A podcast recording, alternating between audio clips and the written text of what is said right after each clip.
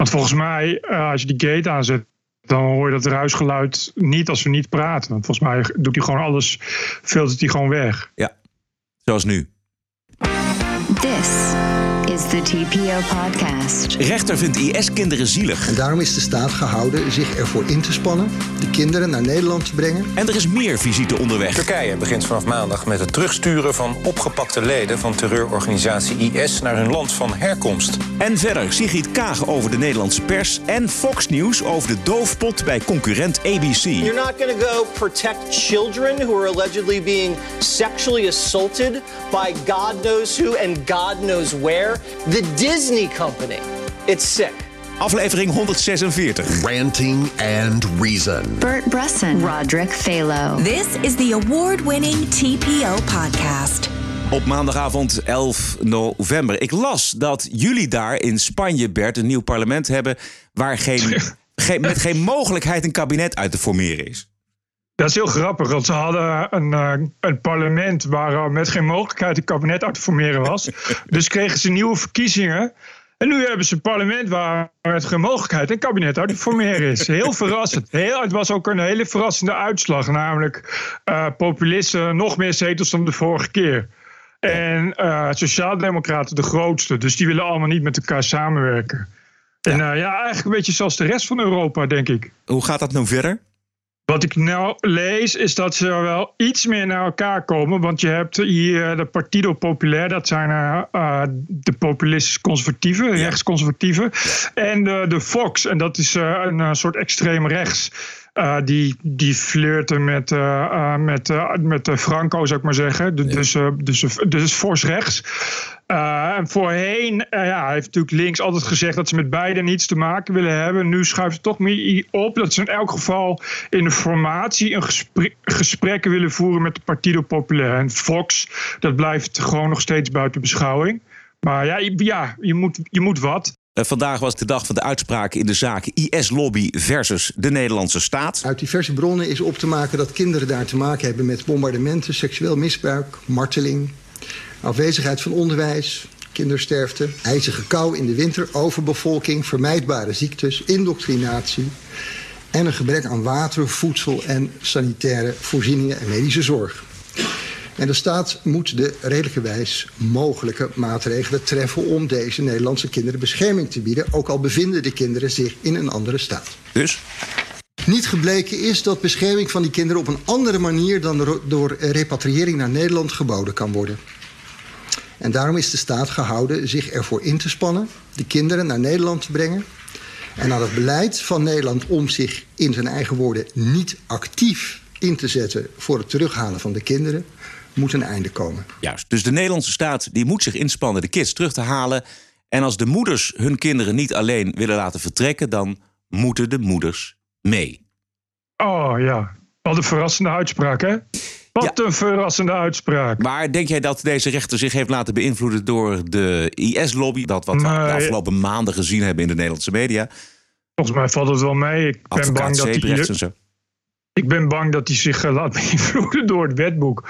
Wat Ja. je ziet is, is vaak dat rechters die eh, zelf een andere uitspraak zouden willen doen, dat niet doen. Omdat ze toch al weten dat ze dan eh, ofwel een hoger beroep worden terechtgewezen, wat pijnlijk is.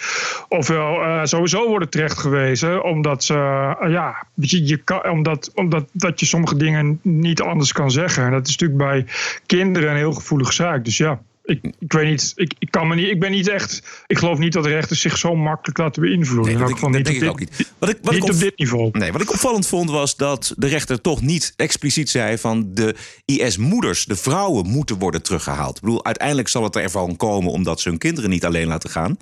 Eh, en eh, op welke termijn en hoe makkelijk of hoe moeilijk dat is, dat zullen we eh, ook nog bespreken. Maar deze IS-vrouwen die wilden graag dat de Nederlandse staat hen moest ophalen. En de rechter zegt nee, dat moet de Nederlandse staat helemaal niet. dat is dus het punt. Kijk, als het gaat om kinderen, is dat natuurlijk allemaal veel strenger geregeld. En, en is er natuurlijk ook veel minder ruimte voor, voor de wet en voor de rechter om daar iets van te vinden. Maar bij die vrouwen, dan kan hij dus, dat zijn volwassenen. Daar kan hij veel makkelijker zeggen van, nou, dat hoeft helemaal niet. Het is natuurlijk het verschil tussen, tussen mensenrechten bij een kind en mensenrechten bij een volwassene. Omdat die volwassenen natuurlijk een bewuste keuze hebben gemaakt. En dat kan de recht, rechtbank natuurlijk zelf ook wel inzien. Bij, bij kinderen heb je natuurlijk veel minder ruimte om daarin te manoeuvreren. Ja, je gaat straks wel zien dat uh, die vrouwen ook terug gaan komen, die moeders.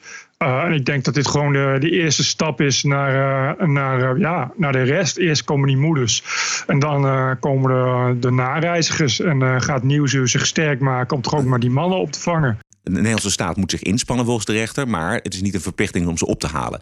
En het gebied in Syrië waar ze vandaan moeten komen is niet overal even veilig meer. Met dank hm. aan de acties van, van Donald Trump. En de Nederlandse staat is dus helemaal niks verplicht om, om, om in een onveilig gebied om daarheen te gaan en ze op te halen. Maar de meeste Nederlandse IS-vrouwen en kinderen die zitten in kamp Al-Hol. En dat is uh, vlakbij de Syrische olievelden. En daar zijn de Amerikanen neergestreken op vlucht voor de Turken. Ja. En Nederland, ja, die hoeft dus niet eens zoveel zijn best te doen. Want die Amerikanen en de Koerden daar, die zullen uh, van harte helpen om uh, die kinderen en die moeders te repatriëren. Denk ik. Het is een, een principiële uitspraak en de logistiek moet zich nog bewijzen. Maar ja, het gaat natuurlijk om die principiële uitspraak. Daar gaat het om. Precies. Maar uh, misschien kunnen Nieuwsuur en Tineke Seelen zelf die kinderen gaan halen. Uh, en al die anderen die zich uh, al die tijd hebben ingespannen om dat toch zoveel mogelijk te doen. Misschien kan D66 kunnen mensen als uh, Jan Paternotte en uh, al, die andere, al die andere nuttige idioten zelf een, keer, zelf een keer laten zien hoe goed ze daarin zijn. En hoe belangeloos ze zijn uh, om voor deze mensenrechten te strijden. En kunnen ze zelf daarheen gaan om die kinderen op te halen en ze ook in huis te nemen. Dat zou, nou, dat zou, vind, zou ik nou zo'n mooi goed voorbeeld vinden. Misschien kunnen die kinderen ook gewoon bij hoogleraar Tom Zwart in de straat komen wonen. Dat zou ik ook heel fijn vinden. Weet je, dat mensen die een mond elke dag vol hebben over mensenrechten mensenrechten ook eens een keer kunnen laten zien hoe je die mensenrechten dan in de praktijk uitoefent. Dat ze daar eens een keer het goede voorbeeld van geven. Dat zou ik heel erg leuk vinden om dat eens een keer te zien. Maar dat zal er ook deze keer wel niet van komen, vermoed ik. Terwijl de rechter nog studeerde op zijn uitspraak, liep de werkelijkheid toch weer een stukje harder dan de Nederlandse regering kan bijbenen. De Turkse president Erdogan stuurt vanaf vandaag gewoon de mannen terug. Turkije begint vanaf maandag met het terugsturen van opgepakte leden van terreurorganisatie IS naar hun land van herkomst. Dat heeft de Turkse minister van Binnenlandse Zaken aangekondigd. Het gaat volgens hem om IS'ers die afgelopen maand zijn opgepakt bij de Turkse inval in Noord-Syrië. In Noord-Syrië zitten nog duizenden IS'ers. Een deel van hen was al gevangen genomen door Koerdische strijders. Tijdens het offensief tegen de Koerden heeft Turkije bijna 300 IS'ers gearresteerd. Er zou tenminste één Nederlander bij zitten. En er zijn mogelijk ook IS'ers bij van wie het Nederlandse staatsburgerschap is ingetrokken. Ja, dit, zou, dit, dit kunnen we dus met terugwerkende kracht. Over een paar jaar gaan we dit het project gezinshereniging noemen, denk ik. Juist, dit zijn de nareizigers. Dit zijn de nou. Dat is wel, Dit is wel handig. Daar hoeft ook geen rechten meer aan te pas te komen. Precies. Dat is leuk voor, alle, voor, alle, voor al die misdadigers, knuffelaars die hier zo blij mee zijn. Ja. dankzij, dankzij de goede vriend en de gewaardeerde NAVO-partner Erdogan is het in één keer weer in één keer allemaal geregeld. Ja, en ik zat te denken, Bert. We doen altijd zo hier in Nederland, zo ingewikkeld over om illegale en mensen zonder paspoort en gewelddadige asielzoekers op te pakken en terug te sturen naar hun land van herkomst. Maar Turkije maakt daar veel minder een probleem van. dus laten we nou eens een keer een voorbeeld nemen aan Erdogan. Laten we, laten we eens een voorbeeld nemen aan Erdogan. Dat is inderdaad een goeie. Dat zou inderdaad heel goed zijn. Kennelijk is het helemaal ook de staatrechtelijk of op via het internationaal recht geen enkel probleem. Je kan ze gewoon hoppatee meteen terugsturen. Dus dat is uh, leuk, want in Ter Apel zijn ze het ook helemaal zat met kansloze asielzoekers die ze niet terug kunnen sturen. Bovendien komen ze 5000 plekken tekort, omdat er nog een heleboel andere asielzoekers gaan komen. Dus als ze nou gewoon 5000 kansloze asielzoekers oppakken, dan uh, zijn ze in Ter Apel blij, is de middenstand, is een beetje heel Nederland blij en kunnen ze in één keer terug. Volgens Erdogan kan het, dus waarom niet ook in Nederland? En wat zegt premier Rutte? Ik heb ze liever niet hier. uh, maar uh, als ze hier wel komen, en soms is dat onvermijdelijk, soms gebeurt dat, uh, dan hebben wij natuurlijk onze systemen hier om ervoor te zorgen dat ze kunnen worden berecht. en dat we heel scherp in de gaten houden of zij geen gevaar vormen voor onze samenleving. Sorry. Waarom gaat het zo makkelijk? Waarom, waarom zegt Erdogan dit en doet hij dat? Omdat Nederland hier jaren geleden al afspraken over heeft gemaakt met Turkije. En al eerder kieperde Turkije Nederlandse jihadisten over de heg. Namelijk uh, twee broers. Een die kregen zes jaar cel hier. Uh, ene Martijn N. Die kreeg 40 maanden cel. Reda N. 4,5 jaar cel. En Oussama A. 7,5 jaar cel. Allemaal Nederlanders met een Nederlands paspoort. die op weg waren uh, en terecht zijn gekomen in Syrië of Irak. En opgepakt zijn in Turkije en verstuurd zijn naar Nederland. Dus het, het gebeurt al. Ik zag laatst dat Rutte zich ook heel veel dingen niet kan herinneren ja. als het erop aankomt. Dus dat kan gebeuren. Dat kan zelfs de premier gebeuren. Die toch twintig uh, minuten lang. Heb je dat gezien? Nee. Uh, uh, tijdens uh, tijdens de, de wekelijkse ministerraad, bla bla, dat nee, hij, de dat hij dan persconferentie, de persconferentie. Twintig minuten lang werd hij gegrild door journaal. Dat is ook een, trouwens een unicum, dat het Nederlands journaal eens een keer de premier geldt. Anyway, twintig minuten lang. En het vloog gewoon af alsof het Teflon was. Het ging over of hij geweten had dat er burgerdoden waren bij een aanval van Nederlandse F-16's in het Midden-Oosten. Uit en te na besproken in de Nederlandse media. Nee, ja, maar het is, ja, het is als je naar kijkt, dan toch vallen de schellen weer uit van je, of, of je ogen rollen toch weer uit je hoofd. Dat je denkt van, het is er toch eigenlijk, eigenlijk een ontzettend zieke manier van, van, van, van, een, van een ziek systeem, van, van liegen en draaien. Weet je, tuurlijk weet je dat. Weet je, hij hoeft alleen geen ja of nee te zeggen en that's it. Ja. En als je dat maar, maar lang genoeg kan volhouden, dan, dan. Ja, dat noemen we dan in Nederland bestuur. Maar het is natuurlijk zo, zo cynisch. Ja, ik vind het niet, soms niet zo raar dat, dan, dat, dat we dan ook te maken hebben met een heel cynisch volk. Maar dat volk is gewoon net zo cynisch als dat hun leiders zijn. Ja. Kwam het Tsunai niet in opstand in dat zaaltje op vrijdagmiddag? Ja, wat, nou ja, nee, ik bedoel, die hebben twintig minuten lang inderdaad gezegd van, van, van maar geef nou eens antwoord. Ja. En het is toch zo dat, ik bedoel, ja, wat moet je anders doen als journalist? Je kan moeilijk gaan slaan. Ja. nou ja, op een. Nou ja, dat, dat zal ik ook te denken. Ik denk van, het is al dat die mensen dat volhouden. Maar ja, nee, maar ik bedoel... In, in het Midden-Oosten wordt er wel eens een schoen gegooid. Ja, nee, precies. In het Midden-Oosten. Maar in het Midden-Oosten zeggen ze ook gewoon na drie minuten: ik zeg toch nee. En dan weet je als journalist ook wel dat je niet moet doorvragen. Dus dat is weer de andere kant. Nee, maar het is. Ja, het is, het is liegen, liegen, liegen. Dat is waar het om gaat. Als je maar genoeg kan liegen en, als je, en geen principes. Dat zie ik nu al, al maanden bij de VVD. Dat je, dat je weet, ja, die gaan elk moment kunnen die weer draaien. Het is maar hoe de wind waait van de rest van de coalitie. En dat, dan, terwijl je bent opgegroeid met het idee dat als je iets belooft en je komt het niet na en je hebt gelogen en je moet je daarvoor verantwoorden, dat je daar een goed verhaal voor moet hebben. Maar we zijn al lang 30, 40 jaar, 50 jaar zo ver dat het helemaal niet hoeft. Dat je gewoon, als je maar omheen kunt draaien, hoef je dus niet te verantwoorden. Je moet, hoeft er alleen maar voor te zorgen dat je je niet gaat verantwoorden. Ja. En of dat nou is omdat je je ziek meldt, of dat je het nieuws op vrijdag naar buiten gooit, of dat je iemand hebt die zo goed is dat hij dat 25 minuten lang volhoudt, dat maakt niet uit. Die verantwoording komt er gewoon nooit. En dat is waar het om gaat, wat natuurlijk eigenlijk totaal ziekelijk is. Nederland heeft het natuurlijk ook enorm laten sloffen daar. Uh, los van die aanval met al die burgerdoden. Uh, wat natuurlijk niet goed was, maar misschien onvermijdelijk. Um, we hebben daar uh, de hele verkeerde milities gesteund, ook met geld en materieel. En de, Ameri de Amerikanen die hadden eigenlijk een veel betere strategie. Jaag op alles wat jihadist is en zorg ervoor dat geen buitenlander overblijft om terug te keren. Dit is de voormalige minister van Defensie in mei 2017, John Mattis. The bottom line is we are going to move in an accelerated and reinforced manner. Throw them on their back foot. We shove them from one position to another in Iraq and Syria to annihilation tactics where we surround them. Our intention is that the foreign fighters do not survive the fight to return home uh, to North Africa, to Europe, to America, to, to Asia, to Africa. Uh, we're not going to allow them to do so. We're going to uh, stop them. They shouldn't survive. Het is eigenlijk een gebrek aan echte visie uh, vanuit Nederland. En de Amerikanen die hadden dus deze strategie. Zoveel mogelijk buitenlanders afschieten van die in, in, in dienst van IS zijn. Zodat we zo min mogelijk met het probleem zitten als die oorlog is afgelopen.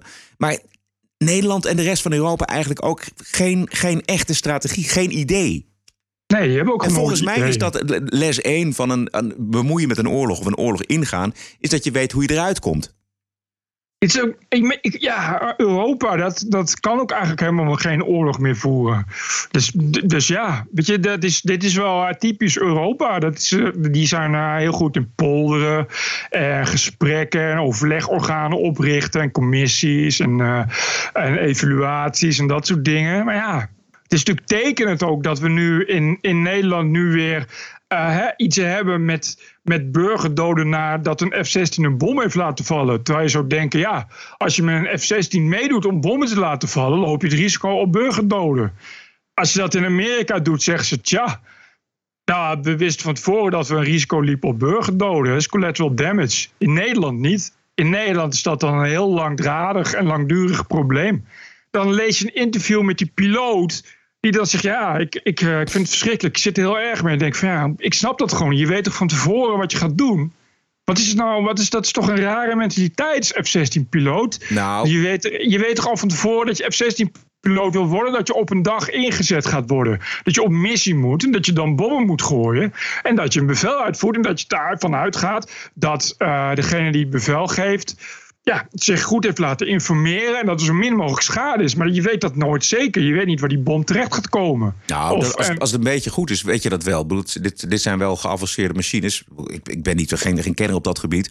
Maar, Jawel, maar die- er, er volgen, eh, er zijn natuurlijk precisiebombardementen. En daar ging het nou juist om in deze zaak. En het, Ja, maar- probleem was, het probleem was dat er wel degelijk natuurlijk een IS-target was. Maar dat daaromheen, als een soort van eh, menselijk schild, een hoop burgers stonden en woonden. Je gaat niet voor burgerdoden als F-16-piloot, dat weet ik zeker. Je gaat eh, om gewoon tactisch een slag eh, uit te delen aan de vijand. En als er dan zoveel eh, burgerdoden, onschuldige mensen sterven, ja, dat, dat, dat, dat moet je raken. Ja, dankzij foute intelligentie. Je gaat een oorlog in. Je weet toch dat je, dan een, je, weet toch dat je een oorlog in gaat, dat daar slachtoffers bij vallen? Kijk, als het er één of twee zijn, dat, dat kun je dan vervelend vinden. En eh, dat kan je ook erg vinden. Maar als het, er, als het er 70 zijn, dat is best. Volgens mij laat je dat nooit koud. Nee, ja, maar daar, ik vind het wel. Ik, vind het opva- ik, denk dat, ik denk dat de Amerikanen daar minder moeite mee hebben. Om, volgens mij moet je dan ook. Ik, ik, ik heb het idee dat we daar in Nederland eh, minder op ingesteld zijn. Dat we soms ineens schrikken van wat een oorlog is en wat een oorlog doet. en die dat, vind ik, dat vind ik soms een beetje raar. Ja. Maar die Amerikanen hebben daar ook grote fouten in gemaakt. Dat, we weten Ja. nog wel wat daar, wat daar naar buiten gekomen is via Edward Snowden ook. Het woord collateral damage, dat is zo'n eufemisme. Verzachtende omstandigheden van moord en van onschuldige doden. Exact. Nou, het is gewoon een offer.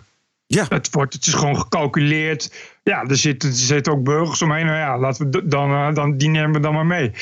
Maar het probleem is volgens mij Bert, dat- er eh, politici die, die F-16's op pad sturen, want dat, zijn uiteindelijk, dat is uiteindelijk wat er gebeurt. Ja. eh, die behoren die verantwoordelijkheid te nemen. En die moeten dat zeggen, die moeten duidelijk zijn. Die zeggen, nou, dat en dat is gebeurd. Dat betreuren ons, dat vinden we erg. Maar goed, dat gebeurt niet. De ergernis is dat er omheen gedraaid wordt. Dat eh, we ons niet kunnen voorstellen dat politici niet worden ingelicht over dit soort calamiteiten. En dat ze er, als ze er eh, naar gevraagd worden, dat, ze- dat ze het dan gewoon ontkennen. Dat ook, maar ik begrijp gewoon de ophef niet over, ja, wat, je, je werpt er geen bloemen af. Weet je, ik, ik, het begint dan, weet je, het nieuws is dan, ja, er is een, eh, een, een Nederlandse F-16 en hij heeft een bom gegooid en er zijn 70 burgerdoden bij gevallen. Denk, ja, dat is heel erg, maar het is oorlog. En je gooit bommen. En wat maakt het nou uit uit welk land, uit welk land die F-16 komt? Weet je, ik begrijp gewoon het nieuws ervan dan niet. En als je teruggaat naar de Vietnamoorlog en daar valt napalm op een paar Juist. dorpen, eh, dat is dan ook geen nieuws? Wat bedoel je? Dat is toch ook nieuws als daar, wat, is dat, wat daar is, gebeurt. is, dat, is dat nieuws? Wat is dan eh, het probleem? Eh, Ja, wat- hoezo is dat dan nieuws? Dat, natuurlijk er- vallen daar burgerdoden. Dat er 70 burgerdoden vallen? Dit vind jij geen nieuws? Ik vind het ja, wel het is oorlog. Ja, nou, Want- zo wat? Dan is het maar toch je ook kan nieuws? Toch geen ja, maar je kan toch geen oorlog voeren zonder burgerdoden? Nee, maar of, of- hoe je het verder kwalificeert en of je het maar. het- Sec is dat natuurlijk gewoon nieuws als daar een grote hoeveelheid burgerdoden vallen. Ja, oké. Oké, nou, Of dat ze nou napalm is, of een F-16, of, of, of een verkeerde kruisraket op een, op een, op een verkeerd doel. Oké, maar dat is wel nieuws. Maar ik vind de morele ophef erover nogal hypocriet. Je stuurt dan geen F-16 als je geen doden wil maken. Ah, dat is Dan je punt. je- ja, dat is mijn punt. Dat eh, een beetje de, het nieuws wordt gebracht vanuit een soort morele verontwaardiging. En dat begrijp ik gewoon niet. Weet je, je hebt een leger en een luchtmacht en die zet je in. En als je geen doden wil, en als je alle risico's op burgerdoden wilt voorkomen, dan moet je geen bommen gooien. Dus het is of bommen gooien en risico lopen of niet. En ik vind het heel raar dat dan de ophef is van oei, er zijn burgerdoden gevallen. Ja, dat krijg je als je bommen gooit. Oké, dus je vindt het wel nieuws, maar je vindt de morele verontwaardiging vind je vreemd. Nee, het is, natuurlijk is het nieuws, zeker als, als niemand dat wist en als het nu naar buiten komt. Maar ik vind die morele verontwaardiging niet vreemd. Ik vind het hypocriet. En dat vind, ik wel, dat vind ik wel heel gemakkelijk. Maar goed, dat vond ik, vond ik altijd al bij oorlogen. Kijk, oorlog is vuile handen maken. Zeker. En, en, en ik heb het idee dat sommige mensen doen alsof dat kan zonder vuile handen maken. Die sturen dan, weet je, die zeggen ja, we sturen alleen maar soldaten voor vreedzame opbouwwerkzaamheden. We gaan scholen bouwen. Duidelijk, Bert. Ehm, we gaan kijken ook nog eventjes naar Berlijn en de muur en die gevallen is en hoe lang dat geleden is. 30 jaar geleden. Maar eerst eventjes het D66-congres van afgelopen zaterdag. Daar tikte de Telegraaf de woorden op van minister Sigrid Kaag... tegen een aantal Syrische vluchtelingen al daar aanwezig. En we hebben niet de Nederlandse woorden van de minister, maar wel de Arabische vertaling. Ah.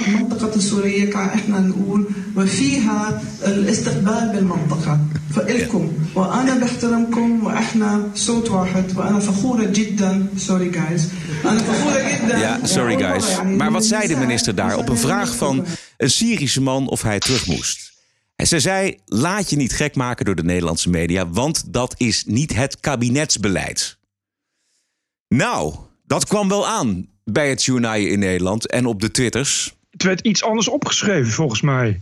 Nou, dit, deze quote zat erin. En na afloop wilde de bewindsvrouw aan de Telegraaf graag benadrukken dat eh, ze tijdens haar Arabische praatje de Syriërs een, een- op, op het hart had willen drukken. Dat het niet gaat om de media, maar om de boodschap die hen via de media bereikt.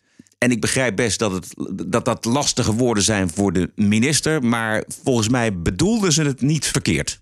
Dat, dat begreep ik ook. Maar goed, als ze iets anders bedoelt, is het misschien een idee om het in het Nederlands te doen.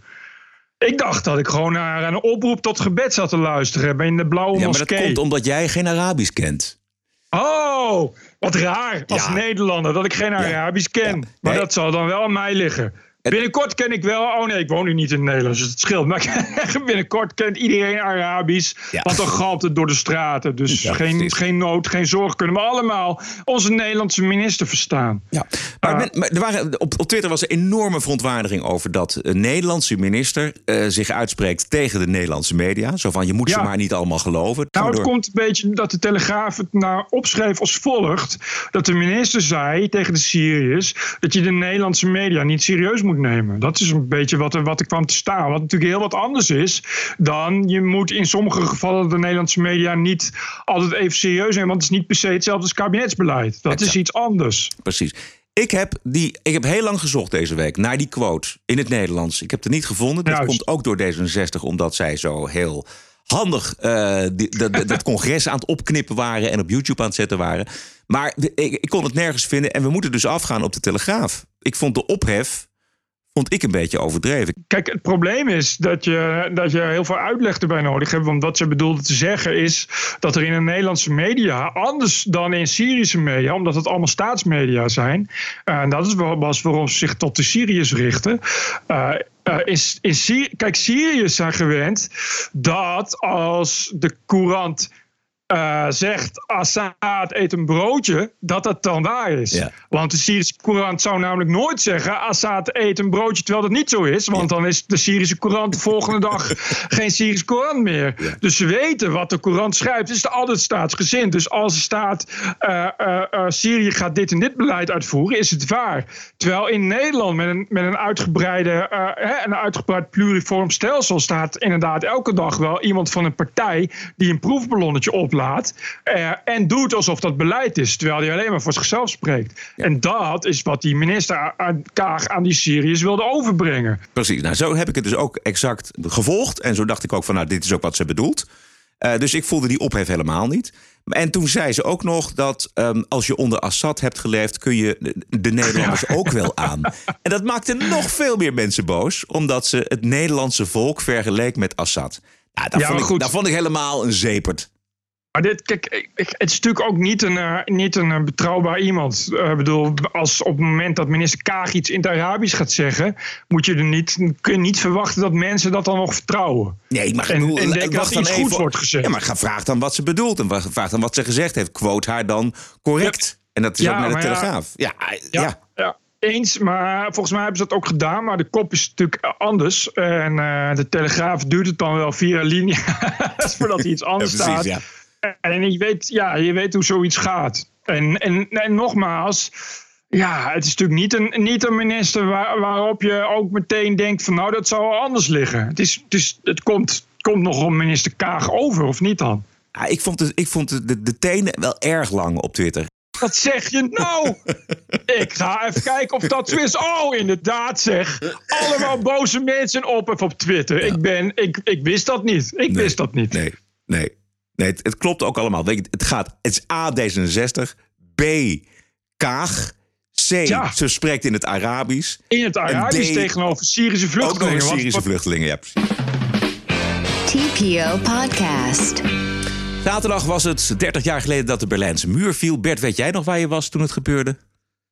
Damn, ja, 89. Dat was ik wel heel jong. Maar ik kan me Hoe wel hoe was je? goed herinneren. Eh, 75 ben ik geworden, dus 85, 14. 14.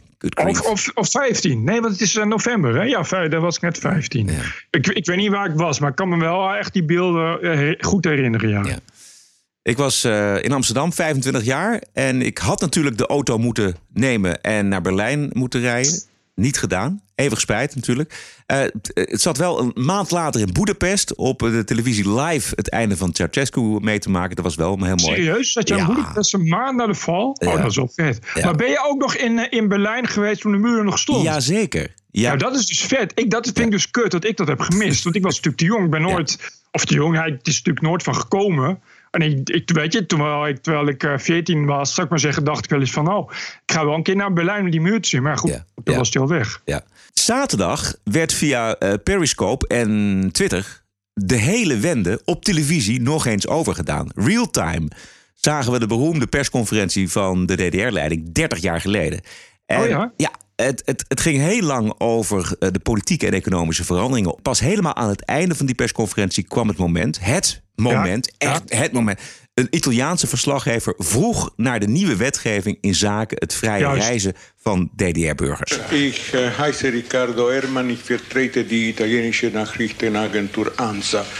Herr Schabowski, Sie haben von Fehler gesprochen. Glauben Sie nicht, dass es war ein großer Fehler, diesen äh, Reisegesetzentwurf, das Sie haben jetzt vorgestellt vor wenigen Tagen? Nein, das glaube ich nicht.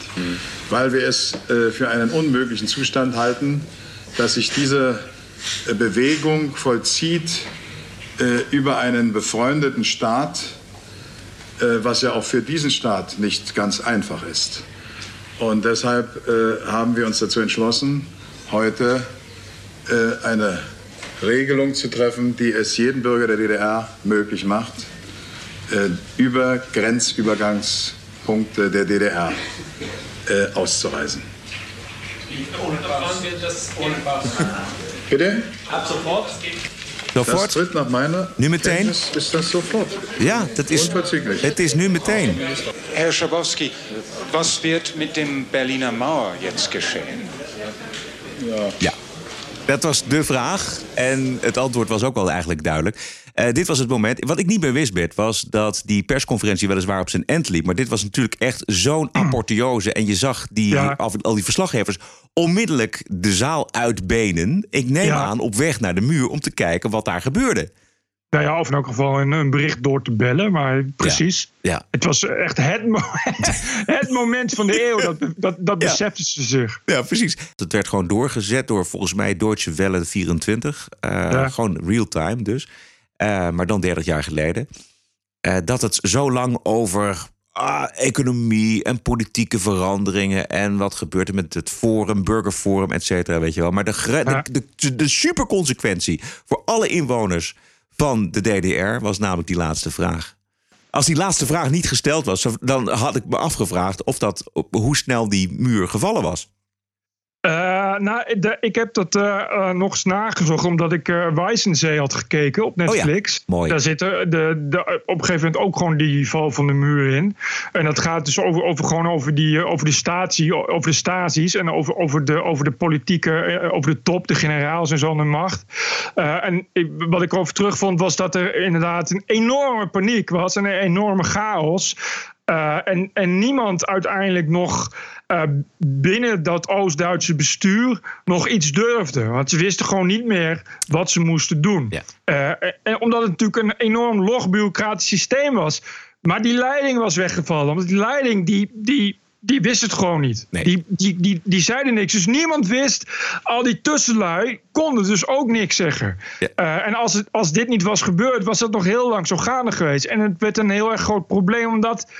Uh, al die mensen stonden daar te dringen en al die command commandanten op die plek, die hadden geen bevelen. Ja, die en grenswachten, ja.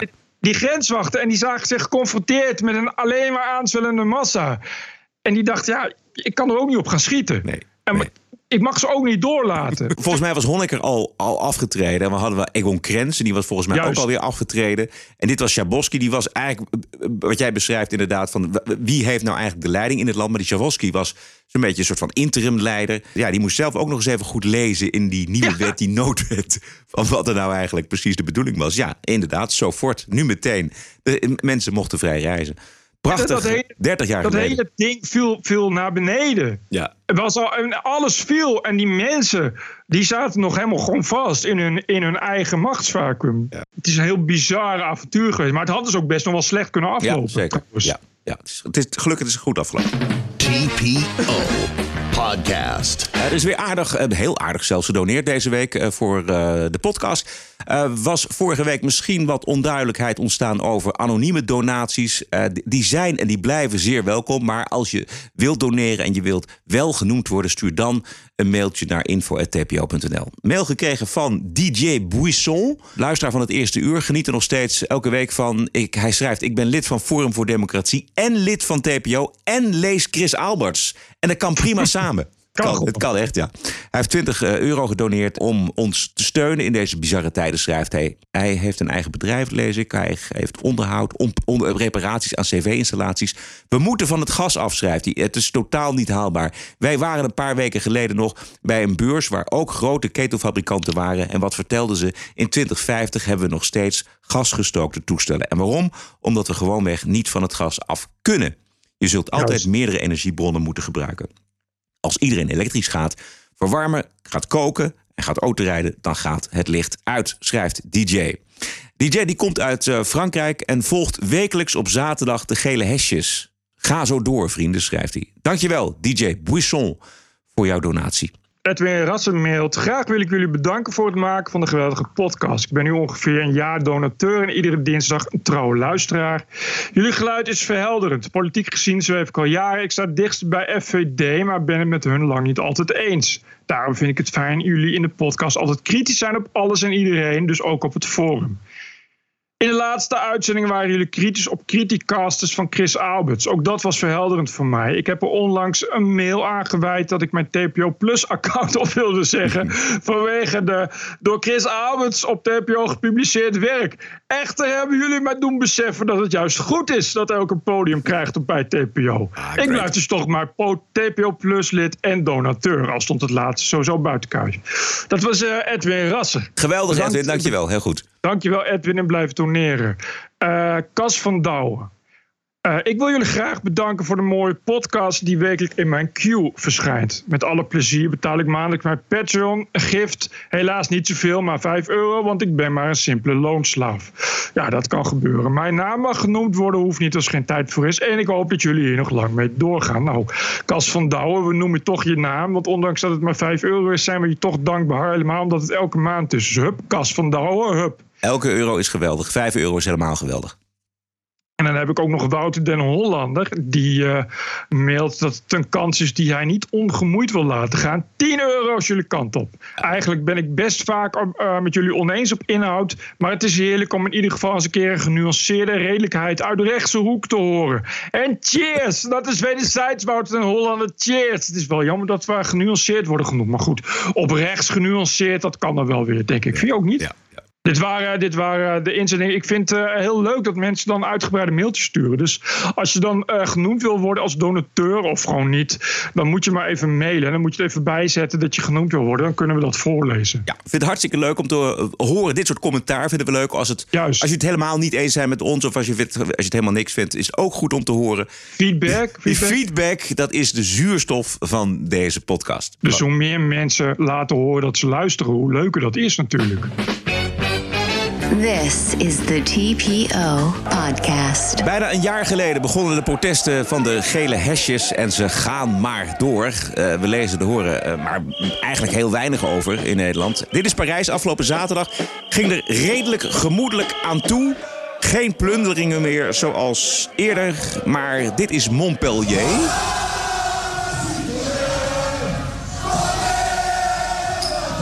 Montpellier in het zuiden van Frankrijk.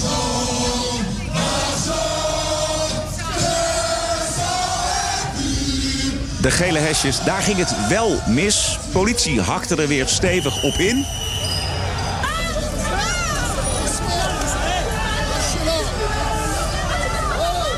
Er komt zaterdag een uh, mooi interview in NRC Handelsblad, uh, Bert... met de kenner van de gele hesjes, Pierre Rosan Vallon heet hij. Ja. Een, een van de tientallen Franse intellectuelen die waren uitgenodigd door de Franse president Macron. Maar Ja. hij ging niet omdat nou, hij wist dat Macron eh, vooral zelf aan het woord is als hij iets wil weten van zijn gasten. Ehm, en hij zegt daar een paar mooie dingen. Eh, bijvoorbeeld een indruk. Ze voelen zich vergeten, onbegrepen, niet gehoord. Het land in één woord voelt zich niet vertegenwoordigd. En dat vond ik zeer kernachtig weergeven. De energie die deze gele hesjes al een jaar op de been houdt. Ja. Ik vond het een mooi Nou interview, vond je niet? Ja, maar ik, ik, ik moet ook zeggen dat ik. eh, je weet, ik ben nooit zo'n eh, voorstander van eh, gelijkheid roepen en dat soort dingen. En ik ben ook nooit zo heel erg van de angst voor de kloof, de, grote ongelijkheid kloof. Maar als ik dit, al deze mensen zo volg, begin ik dat wel steeds beter te begrijpen. Dat je die kloof tussen, tussen, tussen het, het, partij, het middenvolk, zal ik maar zeggen, de middenstand en, en de allerrijkste, dat je die niet eeuwig kunt laten voortduren. Ja. Om, om, omdat die mensen steeds meer het idee krijgen dat ze er, er gewoon niet toe doen. Exact. En dat komt volgens mij, eh, even als je, als je met hele grote slagen eh, die beweging en de tijd pakt, gaat het tussen de globalisten en de anti-globalisten eigenlijk. Juist. Dus de globalisten, hè, dat, zijn, dat is de elite, dat is Macron, dat is, zijn de grote bedrijven, dat is eh, open grenzen, dat is eh, eh, vrije markt, heel erg veel, een, zeg maar een wereldmarkt. En, en wie zijn daar de dupe van? Dat zijn natuurlijk de, de burgers, de kleinburgers, de middenstand en de mensen met ja, de, de kleine banen. En die staan op straat en die krijgen, er is geen ander werk voor. En dat hoort er allemaal bij, vinden de globalisten. Dat is de prijs die we betalen voor meer economische groei, Ja. et cetera. Ja. Ja, ja, dat globalisten en, en neoliberalisten die, die daar zelf natuurlijk heel erg de vruchten van plukken. En dat zie je ook, want ze worden steeds rijker. Ik las nu dat geloof de rijkste 1% nu eh, eh, eh, alle, al het geld van, van, het hele, van de hele middenkade. Ik geloof dat in de Verenigde Staten zoiets, weet je wel. Dus dat je echt een klein clubje rijkje heeft net zoveel geld als, als verder iedereen bij elkaar. Dus je ziet daar hoe groot dan die kloof is. Maar ja, in het begin dacht ik van ja, weet je, ja, het kan gebeuren. En het, en, maar je leest dan ook dat mensen die eh, beide met z'n tweeën modaal verdienen, toch nog niet verdienen om rond te komen. Eh, en geen, geen woning kunnen vinden, omdat die woningmarkt is geëxplodeerd. En er zijn ook geen huurwoningen. En er mag ook niet meer gebouwd worden, want stikstof. Eh, Maar weet je, de, en dat je dus moet gaan lezen. Het- In Frankrijk is dat het geval dat mensen die eh, beide een modaal salaris verdienden, waar je vroeger, wat vroeger gewoon, ja, daarom was het ook modaal. Dat je daar nog gewoon ook iets mee kon. Weet je, daarom noemde dat ook modaal. Dat het ineens een salaris onder de armoedegrens, dat die mensen ineens baantjes bij moeten nemen. Puur en alleen om, om de huur te kunnen betalen en eten te moeten kopen. En ik begrijp dan dat die mensen zich tot de politiek wenden en zeggen van... joh, wij zijn volgens mij een, in de meerderheid. Het is een hele kleine groep die wel de vruchten van plukt en wij niet. Maar jullie horen ons niet en we krijgen ook geen reactie. Exact. En dat noemt hij de afnemende democratisch rendement van verkiezingen. Dus mensen, Ja. de verkiezingen waren het hart van het politieke leven. En ze werden geacht de vertegenwoordiging Precies. van de samenleving te organiseren, de macht te legitimeren en dankzij politieke programma's perspectief te bieden op actie. Maar Precies. mensen gaan naar de stembus, maar krijgen niet de regering die ze willen. De progressief-liberale agenda van Macron, van Rutte, van Merkel, die dendert gewoon door. En ik moet Ja, heel eerlijk exact. zeggen, Bert, als scholier heb ik nog eh, gelezen aan ons de keus van Milton Friedman. Ik ben toch wel een, een liberaal in hart en nieren, zou je kunnen zeggen. Maar Dat weet ik. dit zijn toch wel vragen waarvan ik denk, ja, dit, dit klopt niet. Dit gaat Dit niet bedoel goed. ik. Dit bedoel ik. Wij zijn qua. Wij zijn toch hele kapitalistische liberalen en, vrije, en vrije marktliefhebbers. Uh, maar langzaamaan denk ik ook wel ja, ik, ik, het- je kan je toch afvragen of daar niet toch iets heel scheef aan is gegaan. Ik vind ook, weet je, en dat zie je natuurlijk bijvoorbeeld in Nederland. Weet je, kijk, jij ziet het bijvoorbeeld aan de, aan de NS of, of PostNL of, eh, of, of noem maar, maar wat. En denk van ja, ik, ik, ik begrijp wel dat mensen het soms helemaal zat zijn. Uh, en, en daar is iets misgegaan in die liberalisering. En dan denk ik, ja, volgens mij moet je, daar kun je dan nog beter als overheid. in elk geval van dat soort nutsbedrijven. de teugels in de handen houden. Ja, Maar gek, ja.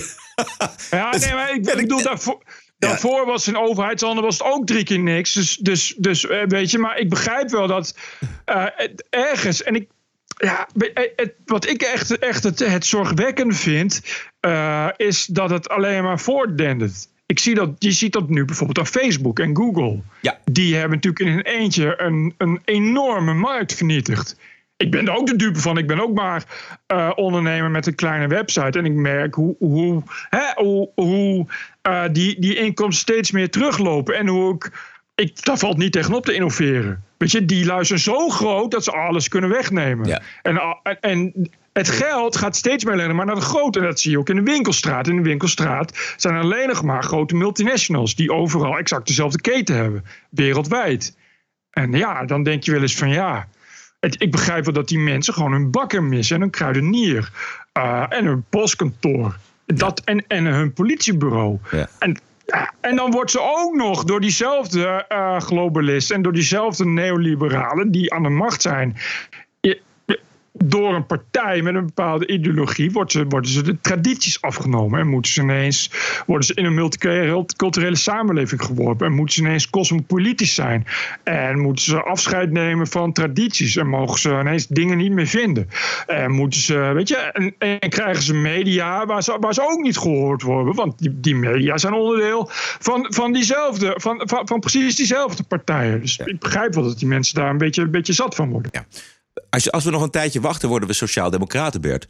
Nou ja, nou, dat, is, eh, dat gaat, wel, gaat wel heel ver. Maar ik vind wel dat je daar op zijn minst iets vaker over mag zeggen. En ik vind het heel raar dat eh, een hele grote groep kiezers... en dat zijn toch echt, echt ja, weet je, in Nederland zijn het ook meer dan 10 miljoen mensen... die daar graag iets op willen horen en niets te horen krijgen. Zie je het D66-congres van afgelopen zaterdag. Dan hoorde je toch vooral dat D66 heel blij is met D66. Geen enkel verhaal waar je als burger die geen geld meer heeft nog wat mee kan.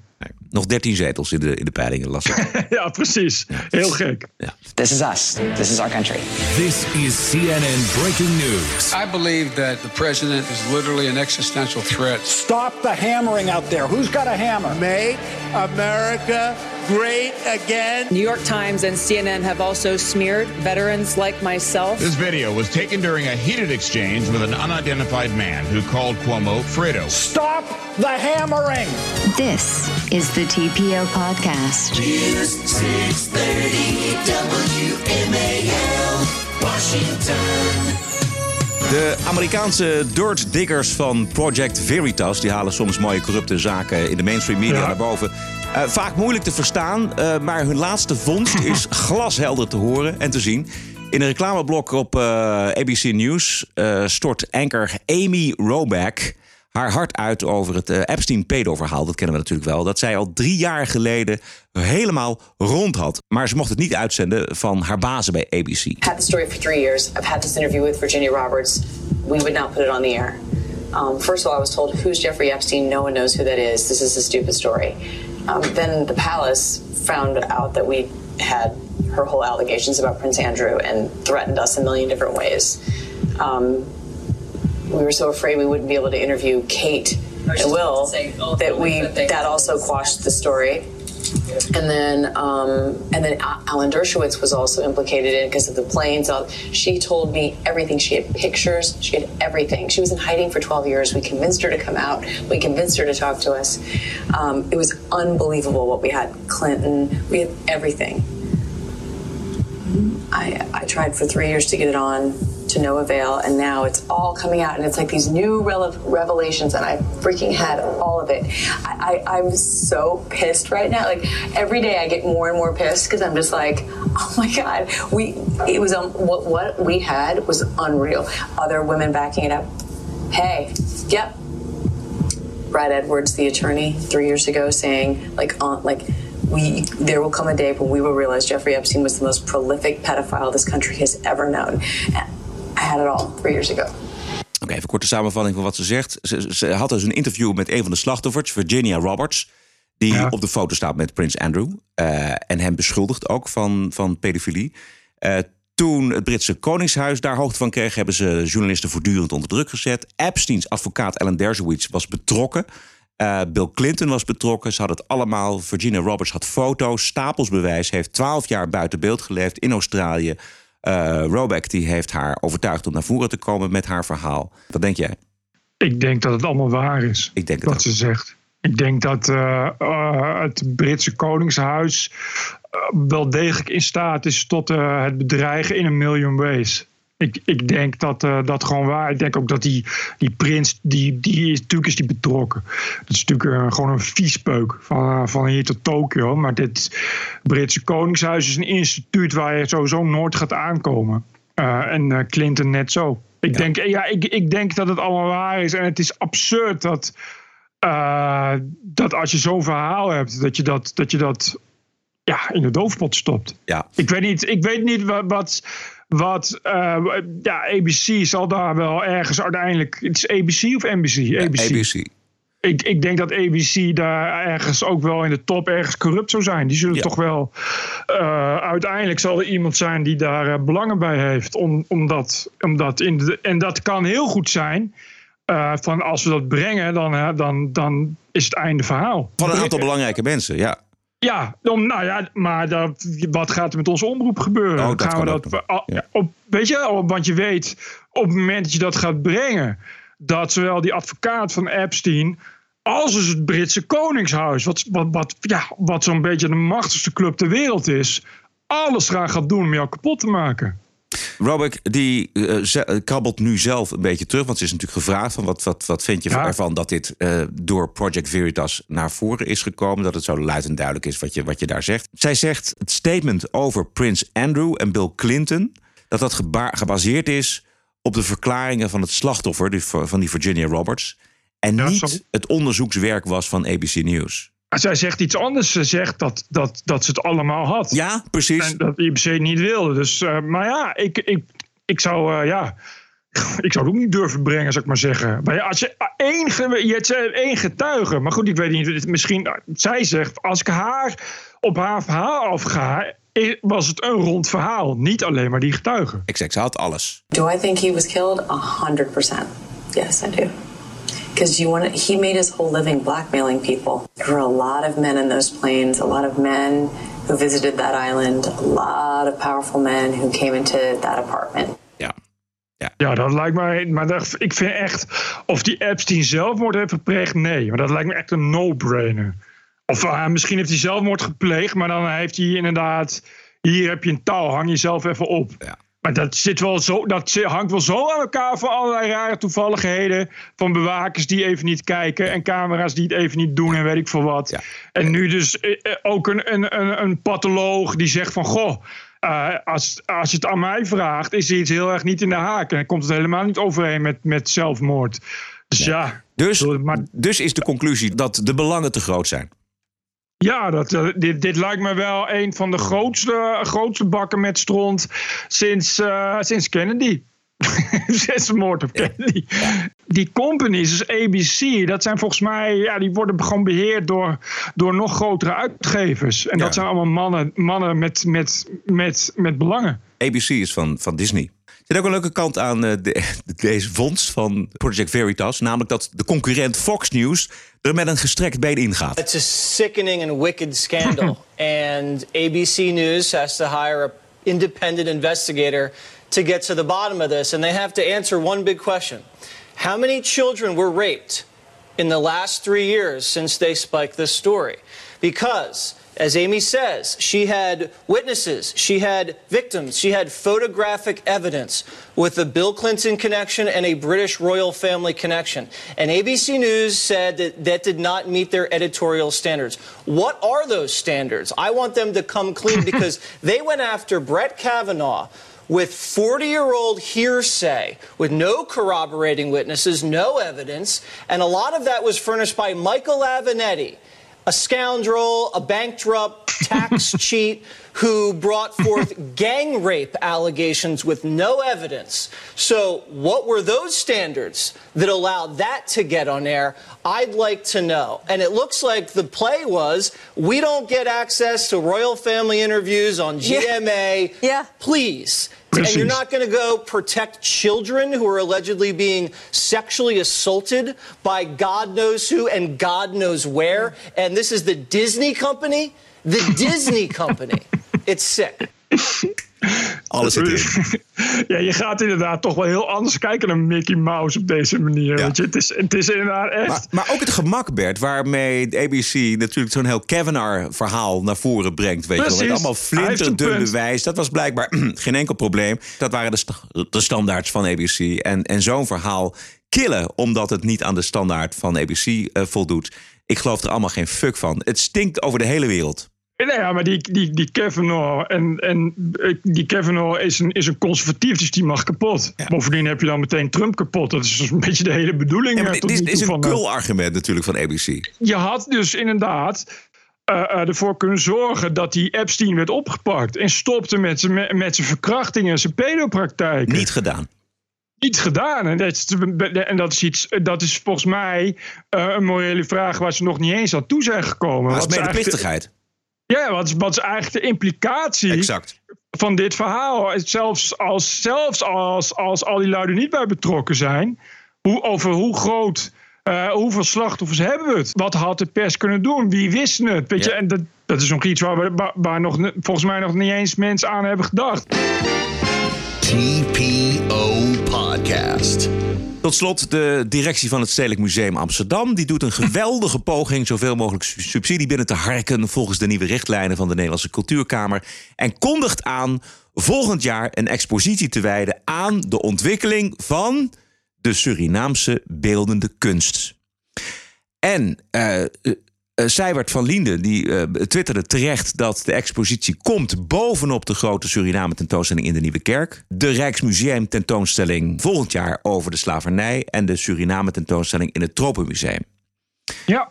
Dus ja. verzin iets dat met diversiteit en inclusie te maken heeft en dien een subsidieverzoek in. En nou Ja. kwam ik op een aardig idee, Bert. Tijdens het luisteren van de Joe Rogan podcast over transgenders in de sport. Atleten, vechtsporters die ooit man waren en nu meedoen als vrouw tegen een andere vrouw. Yeah, I, I think you're out of your mind with track and field. I think you're out of your mind with weightlifting. You're out of your mind with all those things. But if it comes to fighting, fuck you. Fuck you. You think a man and a woman are the same thing, you are out of your goddamned mind. If you think all you have to do is get a little bit of surgery, take some hormones, and you, you're a woman now, and you should be mm. able to fight women. Imagine if that's your daughter, and your daughter is getting pummeled by someone who used to be a man. Fuck you. It's crazy. Dus mijn idee is subsidie aanvragen voor een expositie met kunst die geïnspireerd is op wat er allemaal mis en corrupt gaat. Oh, dat is een goed idee. Maar In ik de toch dat het er diversiteit. niet doorkomt. Kunstenaars die kunnen zich aanmelden bij de TPO-podcast, was mijn idee. al dien je alleen al eh, het subsidieverzoek in. Het is wel geinig om, eh, om, eh, om sowieso dat subsidieverzoek in te dienen. Ja. Maar volgens mij kun je dus, als je dus gebruik maakt van dat reglement, dan kun je dus ook de schaduwzijde van die diversiteit en inclusie kun je fan- fantastisch in beeld brengen en kijken of je het krijgt. En als je het niet krijgt, dan daarmee in de media vragen waarom krijgen we het niet? Nee, dat, is wel, dat bedoel ik, dat is wel leuk. Dan Kijk, die subsidieaanvraag indienen en dan word je afgewezen. En dan heb je een mooi verhaal. Ja, dus als, Ja, als toch super inclusief. Ja, eh, precies. ja. Maar eh, dit is toch het onderwerp? Ja. Ja, ik ken nog wel, een- ik ken nog wel eens een zwarte kunstenaar. Dus dat, dat, eh, Ja, die, het maakt me niet uit welke kleur, maar ze kunnen allemaal meedoen. Maar zo'n verhaal wat Joe Rogan vertelt, weet je, omgebouwde mannen. Die in alle oprechtheid zich nu vrouw kunnen voelen, dat kan zeker. Maar die hebben vanaf hun puberteit een lichaam opgebouwd met de kracht van een man. En die gaan nu vechtsporten of atletiek. Er zijn voorbeelden genoeg. Dat gaat helemaal mis. Prachtig onderwerp voor artistieke uitingen. ja, ik vind het een geinig idee. Dus als, eh, als mensen het horen die kunstenaar zijn... Anders vragen we, vragen we Kirak wel. Ja, precies. Dat kan allemaal ook via Kierk. Moeten we ook even. eh, En dat, het adres is info.tpo.nl. We gaan er een eind aan breien. Tot zover deze aflevering, nummer 146. Vindt u dit een leuk geluid of een belangrijk geluid? Steun ons dan met een donatie. Help ons en de podcast en natuurlijk uzelf ook. Waarderen en doneren kan op tpo.nl slash podcast. E-mailen waarom je doneert en wat je van de TPO-podcast vindt. Of eh, misschien heb je mooie tips voor de show. Of ben je een kunstenaar en denk je... hé, hey, wat een goed idee was dit eigenlijk wel. Het adres info.tpo.nl. Over doneren. Kijk, als je naar de supermarkt gaat en je koopt iets, een pak melk. Dan is de prijs van eh, die, dat pak melk is, eh, is, is gewoon de waarde. Eh, en die wordt mede bepaald door de concurrentie. Dus niemand die 15 euro voor een pak melk betaalt. Maar je hoeft ook nooit 10 cent eh, voor melk te betalen. Omdat die 1,10 euro die eh, dat pak melk kost... Ja, mensen begrijpen dat dat een redelijke waarde is. Dus ik vind dat je dan bij, na het luisteren van de podcast, kun je dus zeg maar ook doneren. Van ja, wat is een, een redelijke waarde? Want waarom zou je dat allemaal eh, gratis tot je nemen? Weet je, terwijl het hoeft ook niet heel veel te kosten. Maar je kan wel zeggen, nou ja, dit, deze podcast luister ik elke week. Dus ja, dat vertegenwoordigt een waarde. En alleen dat het, dat het niks kost, betekent niet dat het geen waarde vertegenwoordigt. Precies. Dus het, Dus- dus- het bekende waarde voor waarde systeem, de value voor value systeem, eigenlijk ontdekt door, ehm, of bedacht door, eh, door Adam en John van de No Agenda. Ja. Het is eigenlijk gewoon luisteren naar de podcast, bedenk daar een bedrag bij en maak het over. Kijk, eh, we hebben eh, eh, op Soundcloud zeg maar 6000 luisteraars. Als die nou gewoon elke week een euro betalen... Ja, dan hoeven wij verder nooit, meer te, nooit meer te vragen of iemand betaalt. Maar het werkt wel. Ik vind, kijk, het punt is als je doneert... dan ben je eigenlijk een soort aandeelhouder. Je bent dan medemaker. Nou, dat is absoluut waar.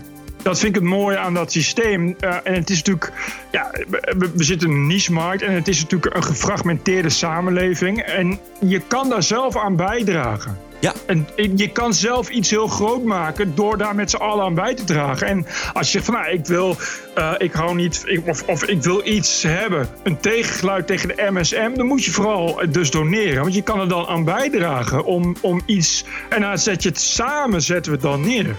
Heel mooi gezegd, Bert. Heel mooi. Ja. En het, en, en het fijne is dat je helemaal vrij bent om, je, om het eigen bedrag zelf te bepalen. We gaan niet zeggen, het is zoveel. Als je niks vindt en je, en je wil het niet, eh, niks voor betalen. Nou ja, dat is jouw keuze. Wij blijven de podcast aanbieden. Maar voel je er wel een waarde bij en vind je het belangrijk dat we ook blijven doorgaan? Nou, dan kun je daar dus een, een getal aan hangen en een bedrag eh, overmaken. We zijn terug dinsdag 19 november. Heb een mooie week. Tot dinsdag, Bert. Dag, Roderick. TPO Podcast. Bert Bruson, Roderick Balo, ranting and reason.